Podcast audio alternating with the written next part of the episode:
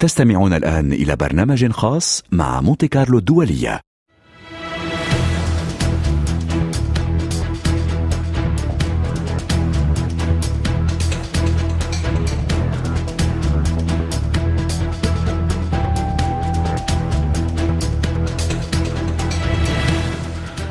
مستمعينا أينما كنتم مرحبا بكم في هذا البرنامج الخاص حول التطورات في روسيا في ضوء التمرد المسلح ليفغيني بريغوجين زعيم مجموعة فاغنر العسكرية الروسية الخاصة على قيادة الجيش ما هي دلالاته وما هي تداعياته المحتملة داخليا وخارجيا لا سيما على مستقبل الحرب المستمرة ضد أوكرانيا ولكن أيضا على وجود مجموعة فاغنر ونفوذها الخارجي خاصة في القارة الإفريقية. أسئلة وغيرها نطرحها على كل من العميد المتقاعد خليل الحلو من بيروت والخبير في السياسات العامة السيد زياد صايغ ومن موسكو الكاتب السياسي الروسي ديمتري بريجع. مرحبا بكم جميعا.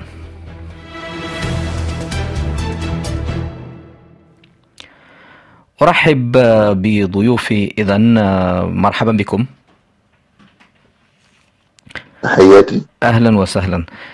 أبدأ هذا السؤال معك زياد الصايغ. زياد هناك اتفاق على أن يتم توقف ما حصل يوم أمس من تقدم لقوات فاغنر وذلك بوساطة بيلاروسية أسفرت, أسفرت إذن عن انسحاب بريغوجين وقواته مقابل إسقاط مقاضاة هذا الأخير. سؤالي كيف تقرأ هذا الاتفاق الذي تم بوساطة لوكاشينكو بطبيعة الحال هناك محاولة لاحتواء التصدع الذي قام على مستوى الخيارات الاستراتيجية. يقال أنها استراتيجي خيارات استراتيجية عسكرية ولكن من الواضح أن التصريحات التي قام بها رئيس مجموعة فاغنر كانت أبعد من تصريحات سياسية عندما قال في بداية الصدام أن روسيا تتجه ليكون لديها رئيس جديد. في تقديري أن ما جرى آه، قد يأخذ أبعادا متعددة من سيناريو تنسيقي بين آه، آه، فاغنر والقيادة الروسية إلى سيناريو آخر هو صدامي حقيقي خصوصا أن مجموعة فاغنر يبدو أنها عملية انتقلت إلى حالة صناعة القرار العسكري الاستراتيجي لروسيا أكثر منه أنها ذراع لها. في كل الأحوال يبدو أن تجربة التعايش بين ميليشيات خارج الدولة ومنطق الدولة هو قيد التفكك وهذا سينعكس عمليا على كل التجارب العالمية في هذا السياق. آه، اسمح لي أعود إلى أنتقل إلى موسكو تحديدا مراسل مونتي كارلو الدولية من هناك مراد أحمد الذي انضم إلينا للوقوف خاصة عند هذا آه، هذه الوساطة البيلاروسية التي أسفرت عن انسحاب بريغوجين وقواته مقابل إسقاط مقاضاته. آه، مراد بعد التحية ما أبرز ما تم الاتفاق عليه؟ يعني الاتفاق كان لطيف ويتضمن خمس نقاط فقط لأن اولا مقاتلين فاغنر الذين رفضوا منذ البداية الانخفاض في عملية التمرد المسلح لا شك أن لديهم الإمكانية للانضمام للقوات الروسية. آه، أن من انضم لهذا التمرد المسلح لن يخضع لأي ملاحقة قانونية وأن هذه القوات ستعود إلى معسكراتها. وأخيرا من يرغب بقاء في معسكرات فاغنر آه، يعني يترك لشأنه ومن يرغب للانضمام للقوات الروسية يمكنه أن يوقع عقود مع وزارة الدفاع. وأخيرا الجزء الأساسي في هذه التسوية وهو إغلاق أو إسقاط القوات الغذائيه التي وجهت إلى يمكن بريغوجين مقابل مغادرة الأراضي الروسية إلى بيلاروسيا. هذه هي البنود الأساسية للاتفاق أو هي عمليا كل البنود التي ضمنها هذا الاتفاق. واللافت أن هذا الاتفاق لم يتعاطى مع مسألة آه، شركة آه، فاغنر وقوات فاغنر كمنظومة. آه، خاصة وأن بريغوجين عندما أعلن عن فض التمرد المسلح تحدث عن أنهم كانوا يريدون حل شركة فاغنر ولكنهم فشلوا آه، ولكن بحسب هذا الاتفاق يبدو أن الوضع يعني العكس هو الصحيح. شكرا مراد. آه، نبقى آه، في موسكو مع الكاتب السياسي ديمتري آه، بريجع بعد التحية ديمتري أي دلالة لهذه الإعلانات من الجانبين بخصوص هذه الوساطة البيلاروسية؟ هل انتهت الأزمة؟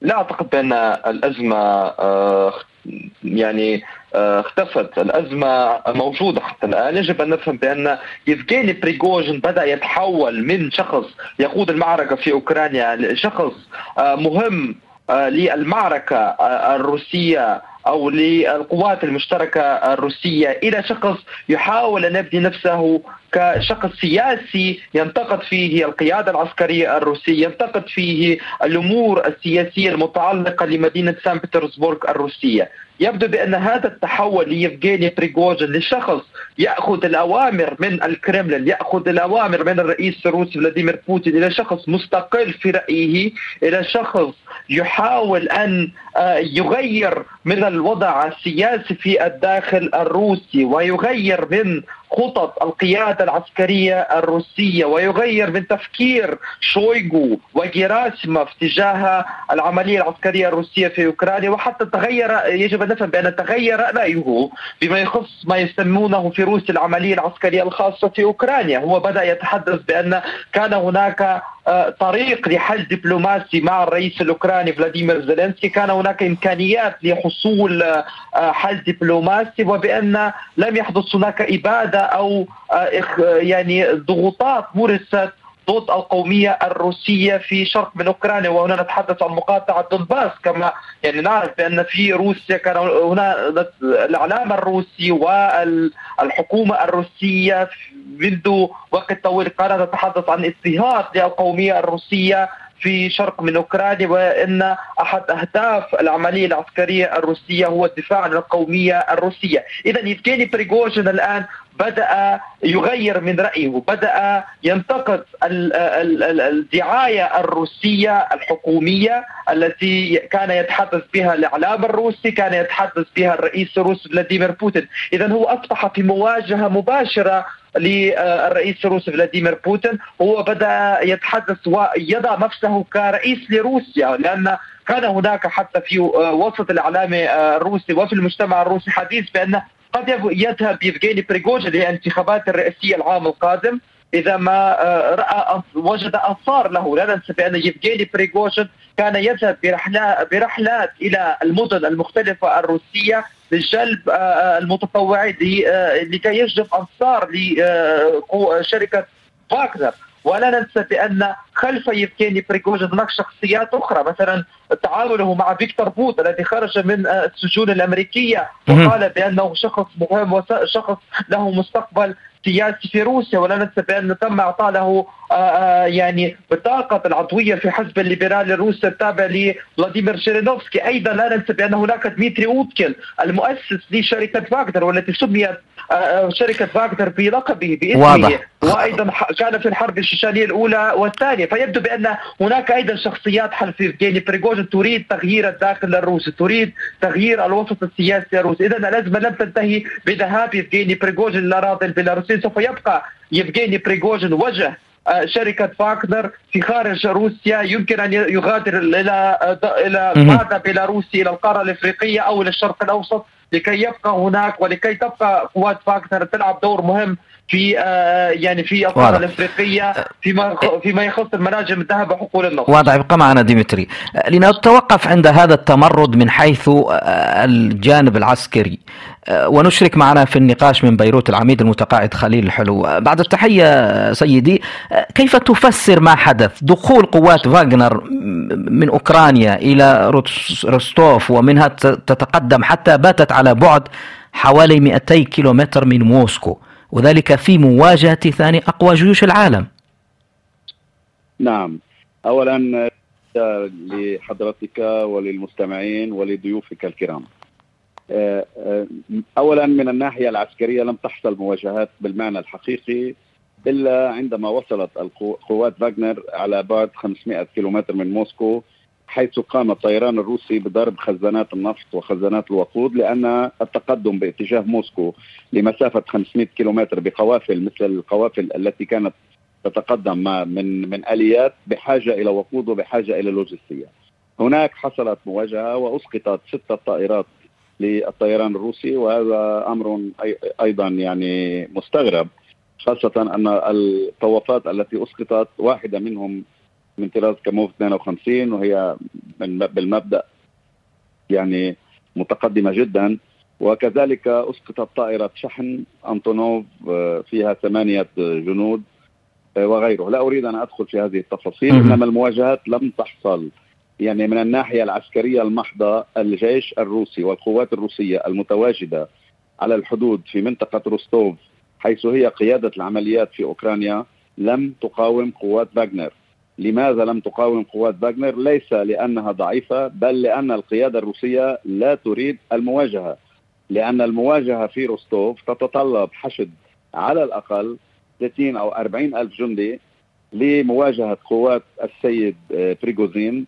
وهذا أمر لا تريده القيادة الروسية لأنها منشغلة بالحرب في أوكرانيا ولا تريد فتح جبهة داخلية. إذا الموضوع يتعلق بخيار من قبل القيادة الروسية لعدم المواجهة. وحتى في روستوف اجتمع بريغوزين منذ دخوله إلى روستوف صباح أمس بنائب رئيس الأركان الروسي. يعني كان هناك مفاوضات وكان هناك حديث. وهو يحظى وهنا أريد أن أدخل إلى جانب آخر من الموضوع. بريغوزين شخصية وحشية خلقها بوتين وهو الآن وبوتين يدفع الثمن. آه هذا الرجل قضى تسع سنوات في السجن في أيام الاتحاد السوفيتي بتهم إجرامية كبيرة جدا. حكم عليه 12 سنة في السجن. خرج ثلاث سنوات آه قبل آه يعني انقضاء مدته بعد انهيار الاتحاد السوفيتي وتقرب من بوتين كطاهن بالأول. يعني كان يملك آه، مطاعم لبيع الهوت دوغ ثم أصبح لديه مطاعم كبيرة ثم تقرب من بوتين. وبفضل هذه الصداقة تسلق سلم الأعمال وأصبح لديه أموال ثم راح يقدم خدمات. لا أريد أن أدخل في كثير من التفاصيل. بدأ يقدم الخدمات لبوتين ولمسؤولين كبار داخل الكرملين خارج روسيا بشكل آه، يعني غير آه، غير قانوني وغير آه، لا ينطبق مع شرعة حقوق الإنسان ومع مع كل القوانين الدولية. وكان لروسيا كانت كان المسؤولون وبوتين شخصيا مسرورون بذلك لأنهم كانوا يمكنهم أن ينكروا أي تورط إلى جانبه بينما هو كان يخدمهم. ولكن عندما عندما أصبح موجود في أكثر من خمس دول في أفريقيا من مدغشقر مدغشقر إلى الموزمبيق إلى السودان إلى ليبيا إلى جمهورية أفريقيا الوسطى إلى مالي حيث يستثمر النفط والمناجم. مناجم المعادن ومناجم الذهب. يعني هو استمد و... القوة من هذه من الوجود في إفريقيا تريد أن تقول؟ نعم استمد قوته المادية ومن صداقته مع بوتين. وعندما بدأت الحرب في أوكرانيا ارتفع عدد المقاتلين لديه من 5000 إلى 50000 وهنا أصبح يقارع القيادة العسكرية الروسية ولديه طموحات سياسية وبوتين كان يلعب دور يعني يلعب واضح. دور الموازن بينهم ولكن هذا التوازن فقد أخيرا عندما كبرت كثيرا طموحاته وأصبح يقارع سيرجي شورغو آه، وأيضا شويغو وزير الدفاع. جينادي. نعم السؤال خلينا أنقل هذا السؤال إلى زياد الصايغ هنا في باريس الخبير في السياسات العامة. زياد هل نحن أمام هشاشة أمنية أم تكتيك مبطن؟ قوات بريغوجين نراها لم تواجه بأي مقاومة كما اشار الخبير العسكري قبل ذلك العميد المتقاعد خليل الحلو ونحن أمام أقوى جيوش العالم. هناك هشاشة على مستوى بنية الدولة واتخاذ القرار الاستراتيجي في روسيا في هذه المرحلة إذ أن أي تقاسم للسلطة وأي شراكة بين مجموعة غير منتظمة في سياق الدولة والدولة وأجهزتها العسكرية والأمنية وقرارها السياسي يعني عمليا أنك دخلت بالحد الأدنى في صدام. كي لا أقول في حالة تفكك على مستوى الخيارات الاستراتيجية. تجربة وجود ميليشيات ليست موجودة فقط في روسيا. هناك في إيران الحرس الثوري وقد خلق الحرس الثوري أيضا ميليشيات وأذرع له في منطقة الشرق الأوسط من اليمن إلى سوريا إلى إلى لبنان إلى العراق ونعلم تجارب حزب الله والحشد الشعبي والحوثيين و وغيرهم. وهناك تلاقي بين هذه المجموعات التي تعمل لأجندة قد يصور أنها أجندة تتعلق بخيارات استراتيجية آه، آه، لأي دولة ومحاولة إنجاز تعايش بين آه، القيادة السياسية وهذه الميليشيات إما بالترهيب كما ذكر العميد حلو أو بالترغيب أو من خلال اختراق الأجهزة العسكرية والأمنية. من الواضح جدا أن روسيا الآن ومهما كانت محاولة للتخفيف مما جرى دخلت مرحلة جديدة من النقاش في من يقود روسيا على مستوى الخيارات الاستراتيجية. ولو اختارت القيادة الروسية العسكرية والسياسية أيضا عدم الصدام لتفادي آه، الدماء وعدم تحويل بوصلة المعركة من معركة وعدوان على أوكرانيا إلى معركة في الجبهة الداخلية لكن هذا يعني آه، بشكل واضح أن الصدام بدأ بين الميليشيات والجيش الروسي وقد نشهد في المراحل المقبلة مظاهر مختلفة قد لا تكون عسكرية ولكن آه، آه، إشكالات داخلية روسية. قد يكون لها طابع طابع سياسي أو طابع اقتصادي لأنه يجب أن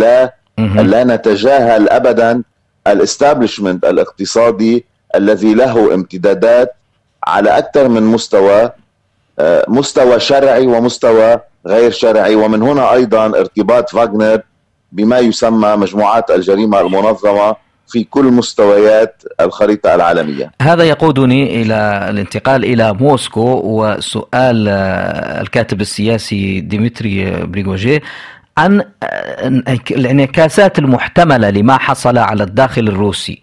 على جميع الجبهات كما أشرت أنت زياد قبل لحظات سياسيا وعسكريا وحتى اقتصاديا.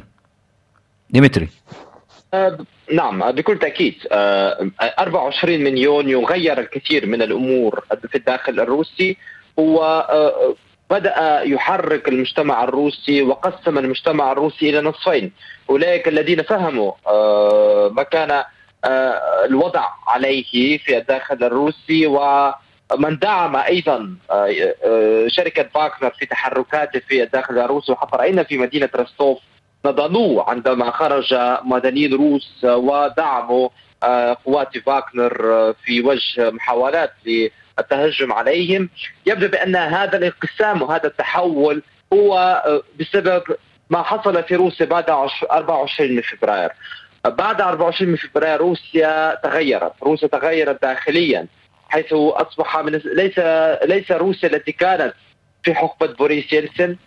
ليست روسيا التي آه، أخذها الرئيس الروسي فلاديمير بوتين أو استلمها الرئيس الروسي فلاديمير بوتين من بوريس يلتسن التي كانت آه، في السابق روسيا متجهة نحو آه، أن تكون أن تعترف بالقوانين الدولية أن تكون دولة آه، متجهة نحو التقرب مع دول الاتحاد الأوروبي وأن تبني العلاقات مع الولايات المتحدة الأمريكية وأن آه، تتوقف عن آه، الحرب الباردة وسباق التسلح مع الولايات المتحدة الأمريكية. الآن يعني هذه السيناريوهات التي حدثت بعد 24 من فبراير والطريق الجديد الذي الذي بدأ تسلكه روسيا بسبب سياسة الرئيس الروسي فلاديمير بوتين هي أحد أهم أسباب ما يحدث الآن في روسيا. يعني يفغيني بريغوجين يفهم بأن آه، آه، هناك أخطاء وقعت في الداخل الروسي، هناك أخطاء وقعت من قبل القيادة العسكرية الروسية، هناك أخطاء وقعت آه، في حسابات القيادة العسكرية الروسية وهو تحدث بأن القيادة العسكرية الروسية أو القيادات الروسية تعطي معلومات غير صحيحة للرئيس الروسي فلاديمير بوتين. فيبدو بأن هذا التحول الذي آه، بدأ يحدث في المجتمع الروسي هو أيضا تحول مهم. لا ننسى بأن نحن على على أبواب آه، الانتخابات الرئيسية العام القادم. هناك أيضا بوتين في هذه الانتخابات في الوضع الحالي آه، يريد أن يخرج منتصرا يريد أن يخرج وله نسبة كبيرة من الأصوات لأن نرى بأن في الإعلام الروسي وفي في الأوساط الروسية يتم الحديث بأن غالبية الشعب الروسي وما يقارب 70% من المواطنين الروس يدعمون الرئيس الروسي فلاديمير بوتين وحتى تؤكد هذه الإحصائيات الحكومية. نعم هناك إحصائيات غير حكومية تتحدث بعدد أقل من ذلك. بكل تأكيد هذا التحول هو تحول بدايه لتحولات آه، أيضا آه، آه، قد تشهدها روسيا. لا ننسى بأن هناك جيركين والذي كان قائد محلي لجمهورية دونيتسك الشعبية أو للانفصاليين في جمهورية دونيتسك في مقاطعة دونباس والذي أيضا ينتقد القيادة العسكرية الروسية وينتقد الرئيس الروسي فلاديمير بوتين، هناك القوميين الروس الذين آه، هم يدعمون آه، العملية العسكرية الخاصة ويسمونها العملية العسكرية الخاصة في أوكرانيا. في أوكرانيا بالضبط. اسمح لي على العسكرية الروسية وينتقدون الرئيس الروسي فلاديمير بوتين. إذا في أي وقت يمكن أن تحدث تغييرات القوميين الروس يمكن أن ينتفضوا أو هناك يحدث تمرد لأن القوميين الروس هم يذهبون ليس خلف الرئيس الروسي فلاديمير بوتين بل خلف أفكارهم والإيديولوجية التي التي هم يحملونها واضح. والتي تحفزهم على القتال واضح. اسمح لي على المقاطعة الوقت يطارد. أه، تحدثت عن أوكرانيا. أوكرانيا هي أكثر يعني بلد يبدو معني بما يحصل في روسيا بحكم الحرب الدائرة بين البلدين. أه، سؤالي إلى العميد الحلو. أي عواقب لهذا التمرد بحسب رأيك على هذه الحرب التي تشهد خاصة هذه الأيام هجوما أوكرانيا مضاد بدعم بالعتاد والمال من الغرب؟ نعم إن إن الذي حصل خلال الثمانية والأربعين ساعة الماضية لم يكن متوقعا لا من قبل القيادة الروسية ولا من قبل الأجهزة الغربية وهذا ما صرحت به كافة الأجهزة الغربية وخاصة وزارة الدفاع البريطانية التي قالت أن هذا كان غير متوقع. آه، إذا آه، بالنسبة للخطط العسكرية في الداخل الأوكراني أتحدث عن الروس لن يتغير أي شيء.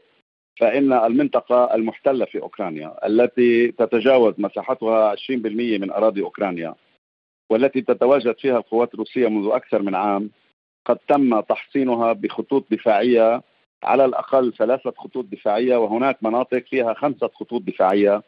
وطبعا استراتيجية الدفاع هي استراتيجية بسيطة ولا تحتاج إلى أدمغة. يعني خطوط دفاع وقوات دعم تتدخل حيث يمكن أن آه، يصير هناك خروقات. هذا ما تتبعه القيادة الروسية وهناك 300 ألف جندي روسي داخل الأراضي الأوكرانية. وهذا عدد كبير جدا.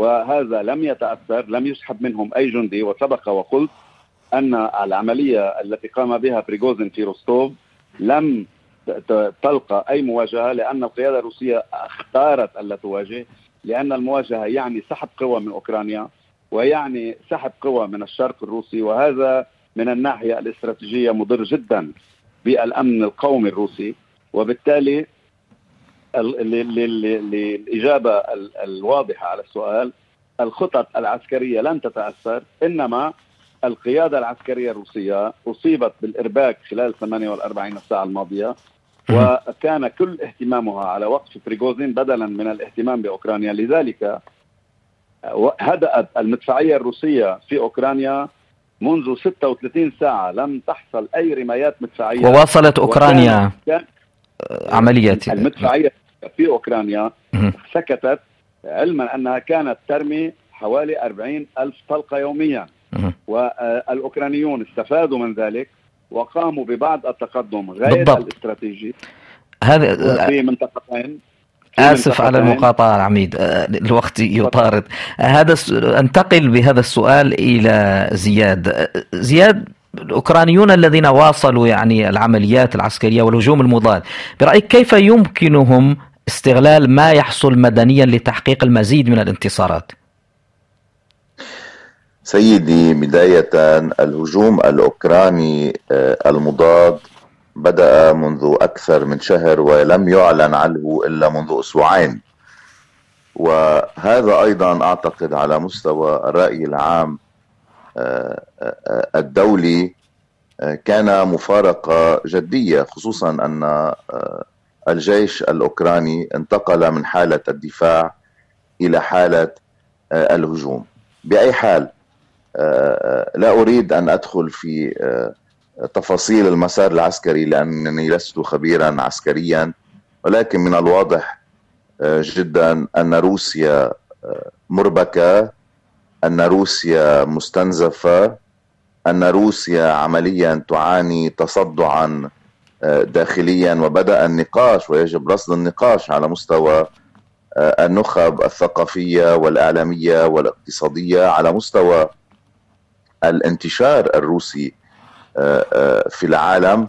وخامسا الأهم من ذلك هناك على مستوى النقاشات الأكاديمية في كثير من الباحثات والباحثين الروس الذين هم خارج المنظومة المرتبطة بالرئيس فلاديمير بوتين وبالإستابليشمنت الروسي بدأ البحث عمليا في هل كان خيار العدوان على أوكرانيا خيار استراتيجي يخدم الأمن القومي الروسي أم هو سينتقل بروسيا إلى حالة تصدع داخلية وينهي ما يسمى بثنائية القطب أو العالم المتعدد الأقطاب رغم أن البروباغندا للحلف الذي يقوم على هذه القاعدة يحاول أن ينشر فكرة أن عالم الأحادي الأقطاب قد سقط ويتجاهل كليا أن الاعتداء على سيادات الدول والقمع والديكتاتورية مع حلفاء على المستوى العالمي لا علاقة له بالعالم الحر.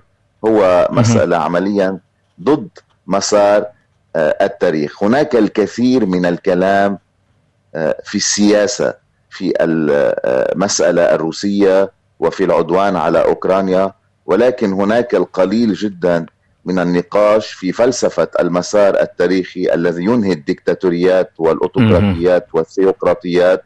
وبطبيعة الحال المسألة الروسية اليوم هي مسألة مرتبطة بمحور كبير من الصين إلى إيران. مهما حاولت الصين التمايز على المستوى واضح. البراغماتي وما هو ما هو مهما حاولت الإيران التسويق بأنها أيضا تملك اوراقا للنقاش على المستوى البراغماتي لكن لكن هذا المحور عمليا بدأ بحالة التصدع لأنه يقوم على الدماء وعلى الاستنزاف وعلى الاعتداء على سيادات الدول.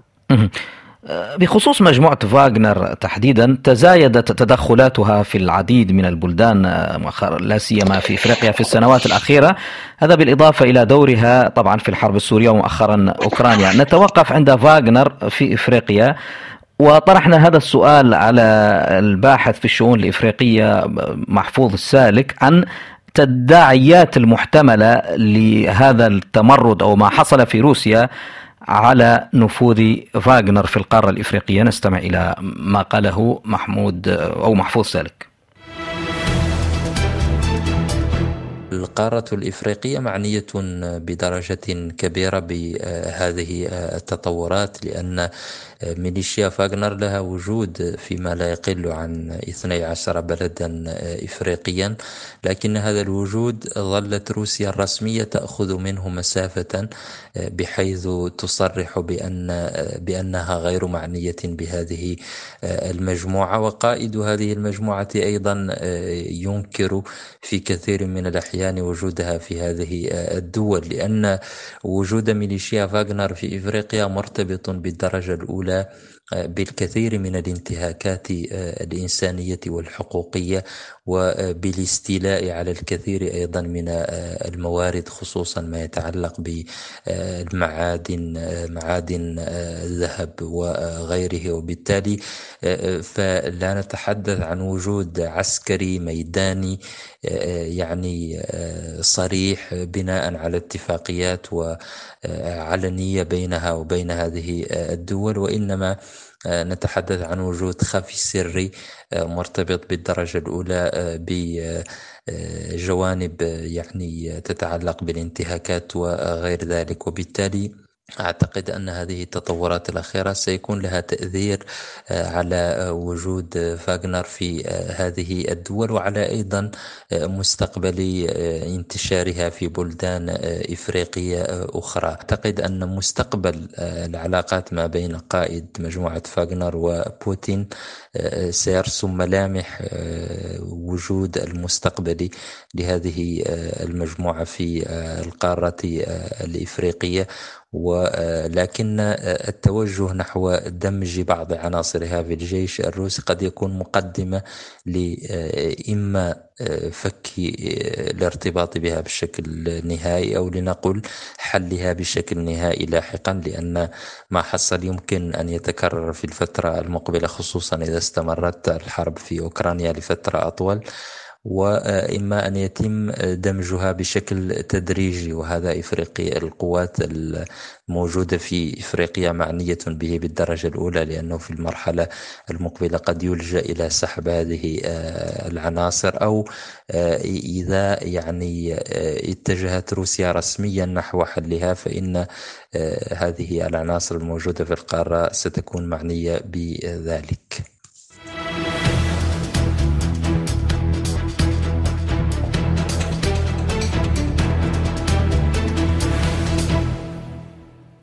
شكرا للباحث في الشؤون الإفريقية محفوظ السالك وأنتقل إلى باماكو مالي مالي التي يتم الحديث بقوة عن وجود فاغنر وتغييرها للمعادلة هناك رغم أنه الجهات الرسمية إن كانت روسيا أو حتى فاغنر زعيم فاغنر ينفي هذه القضية. معنا محمد ويس مراسل مونتي كارلو الدولية. محمد كيف تم استقبال هناك في باماكو ما حصل في روسيا؟ ونحن نعلم بالعلاقة التي موجودة العلاقة القوية بين حكام مالي الحاليين وحكام روسيا. آه، نعم. أهلا وسهلا بك آه، آدم وبالمستمعين والضيوف الكرام. آه، طبعا ألقت ألقت عملية التمرد التي قامت بها مجموعة فاغنر بالأمس بظلالها على مالي. وتم استنفار القوى الأمنية في شوارع العاصمة باماكو وغيرها من المدن المالية ورفضنا أرتال لقوات الحرس الرئاسي والجيش المالي التي أعادت تمركزها في بعض المواقع التي تتواجد فيها قوات فاغنر وخاصة القصر الرئاسي.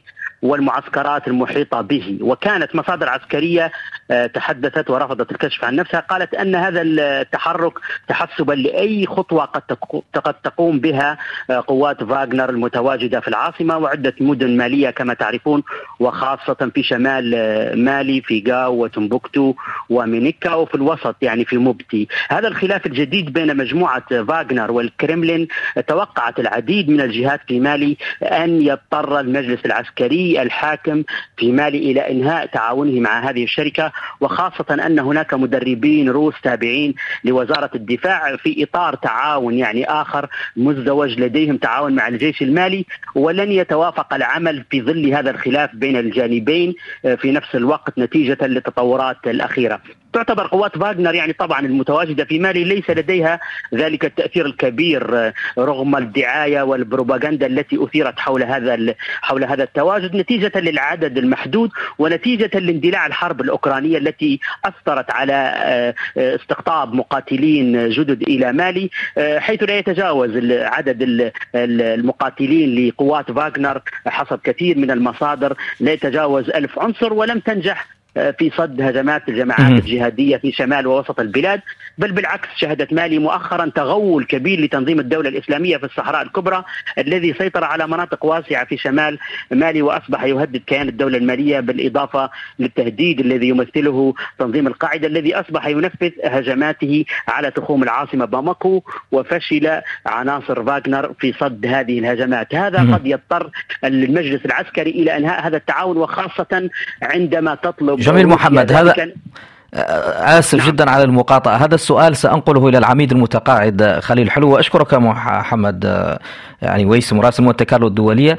سيادة العميد في ضوء ما تحدث عنه المراسل في باماكو أي مستقبل إذا لفاغنر كمؤسسة عسكرية؟ في إفريقيا وغيرها. نعم إن إن ما تفضل به مراسلكم أو ضيفكم من من باماكو هو معلومات دقيقة جدا وأريد أن أضيف عليها قبل الإجابة النهائية على السؤال. يعني القيادة في مالي اختارت أن تتعاون مع فاغنر بدلا من أن تتعاون مع الدولة الفرنسية التي كان لديها 700 عنصر. هناك يقومون بمكافحة تنظيم القاعدة.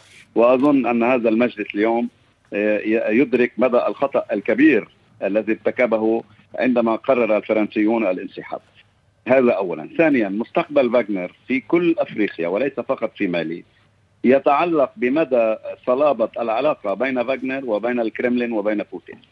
إذا هذا الأمر لم يستمر سيكون من الصعب جدا على أي دولة في أفريقيا أن تتعاون مع فاغنر دون إغضاب القيادة في موسكو. والخيار واضح. عندما يكون هناك خيار ما بين فاغنر التي هي دويلة ضمن الدولة كما قال آه، الأستاذ زياد. آه، بين تعاون مع دويلة هي على قارعة الطريق من الناحية الدولية لا يتعامل معها أحد في العالم لا غربا ولا شرقا. وبين التعامل مع الكرملين ومع موسكو الخيار سيكون واضح وربما سيكون هناك تغيير في التعامل مثل مالي التي يمكن أن تعود إلى التعامل مع فرنسا أو التحالف مع فرنسا.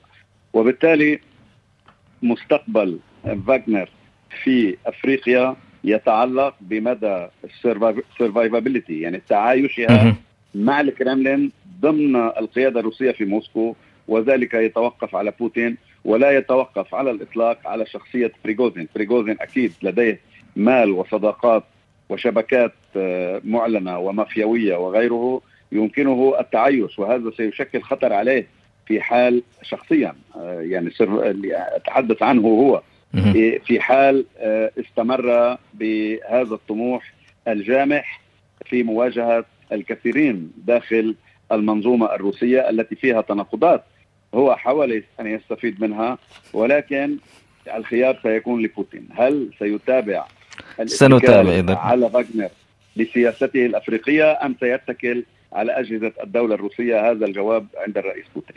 على أي دول العالم من واشنطن باريس عواصم العالم تقريبا الكبرى كلها يعني تفاعلت مع هذا الموضوع بقلق وترقب يوم أمس وكانت هناك توالت ردود الفعل طوال اليوم. نستمع إلى أبرز هذه الردود في هذا التقرير لسليمان ياسيني.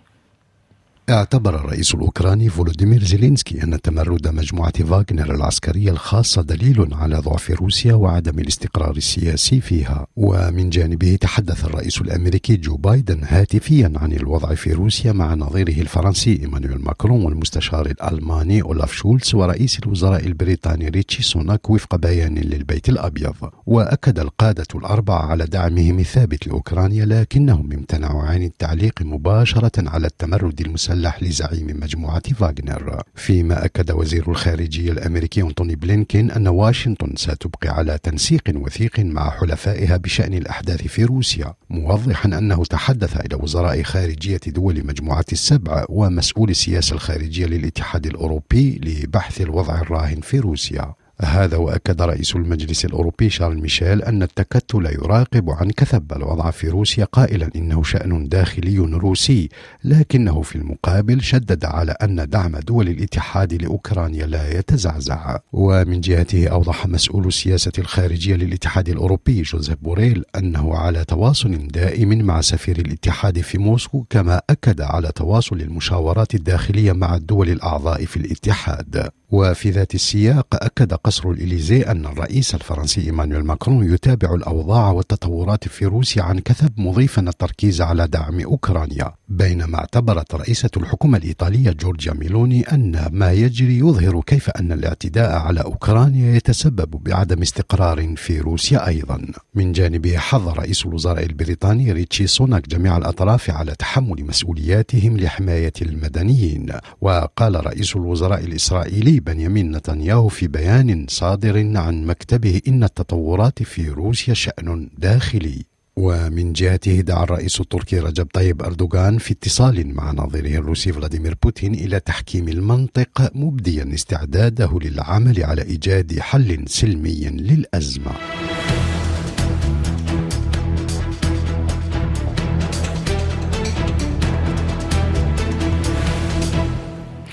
الآن إلى الخبير في السياسات العامة سيد زياد الصايغ زياد هذا ردود الفعل هذه وهذا القلق والترقب العالمي لمجرى الأحداث في روسيا بعد هذا التمرد المسلح لفاغنر كيف تقرأ هذا القلق وردود الفعل هذه بشكل عام؟ بطبيعة الحال نحن دخلنا مرحلة إرباك على المستوى العالمي خصوصا أن التركيز الآن على مواجهة العدوان الروسي على أوكرانيا. الأجهزة العسكرية والأمنية خصوصا الاستخباراتية وقد ورد الآن في هذه اللحظة خبر أن أجهزة الاستخبارات الأمريكية علمت مسبقا بالتمرد الذي يعد من فاغنر على القيادة آه، الروسية. هذا النوع من الإرباك العالمي هو بسبب آه، حالة آه، الصدام التي استجدت بين مجموعة فاغنر والكرملين وبوتين أيضا. وعلينا أن نتطلع إلى مواقع النفوذ في روسيا فليس هناك قبضة حديدية بطبيعة الحال رغم البروباغندا القائلة بقبضة حديدية مع حراك بدأ منذ حوالي ستة أشهر. هو بسبب قناعة آه، آه، هذه الأجهزة العسكرية والأمنية الغربية تحديدا بأن التصدع سوف يطال آه، أفريقيا سوف يطال الشرق الأوسط خصوصا مع مجهود مع وجود مجموعة فاغنر إلى جانب القيادة الروسية في الدول التي تدخلت فيها روسيا أو حاولت الانقضاض فيها أيضا على النفوذ الغربي. ولكن آه، آه، من جهة أخرى في تقديري أن هناك قناعة آه، على مستوى العالم الغربي أيضا بأن روسيا في هذه المرحلة الجديدة دخلت سياقا مختلفا وبدأ النقاش في أن فلسفة الشراكة على السيادة هي فلسفة ساقطة وضرورة إعادة الانتظام العام لاحتكار الدولة آه، العنف واحتكار أيضا شرعية بسط السيادة اولا وثانيا بدأ النقاش في لا شرعية تجاوز الحدود السيادية للدول والتي عمليا تسمى ترانس ناسيوناليزم الانتماءات العابرة للحدود. وثالثا بدأ البحث على مستوى آه، آه، مراكز الأبحاث الاستراتيجية في العالم في السياق الذي مر به والمسار في تشكيل مجموعات المرتزقة التي تألفت منها فاغنر لأنه ليس صحيحا أن آه، هناك فقط آه، مواطنات ومواطنين روس في فاغنر بل هناك مجموعات آه، مرتزقة مرتبطة بمربعات الجريمة المنظمة في العالم عدا أن هناك فتح للسجون في روسيا وفي دول قريبة من روسيا استوعبت أيضا المقاتلات والمقاتلين في هذه المجموعة. علينا أن نعترف أن نحن في مرحلة تحول مفصلي استراتيجي ويجب عدم قصر آه، القراءة على التطورات الأمنية والعسكرية المهمة ولكن يعلم الجميع والعميد حلو خبير عسكري أن التطورات الأمنية والعسكرية العملانية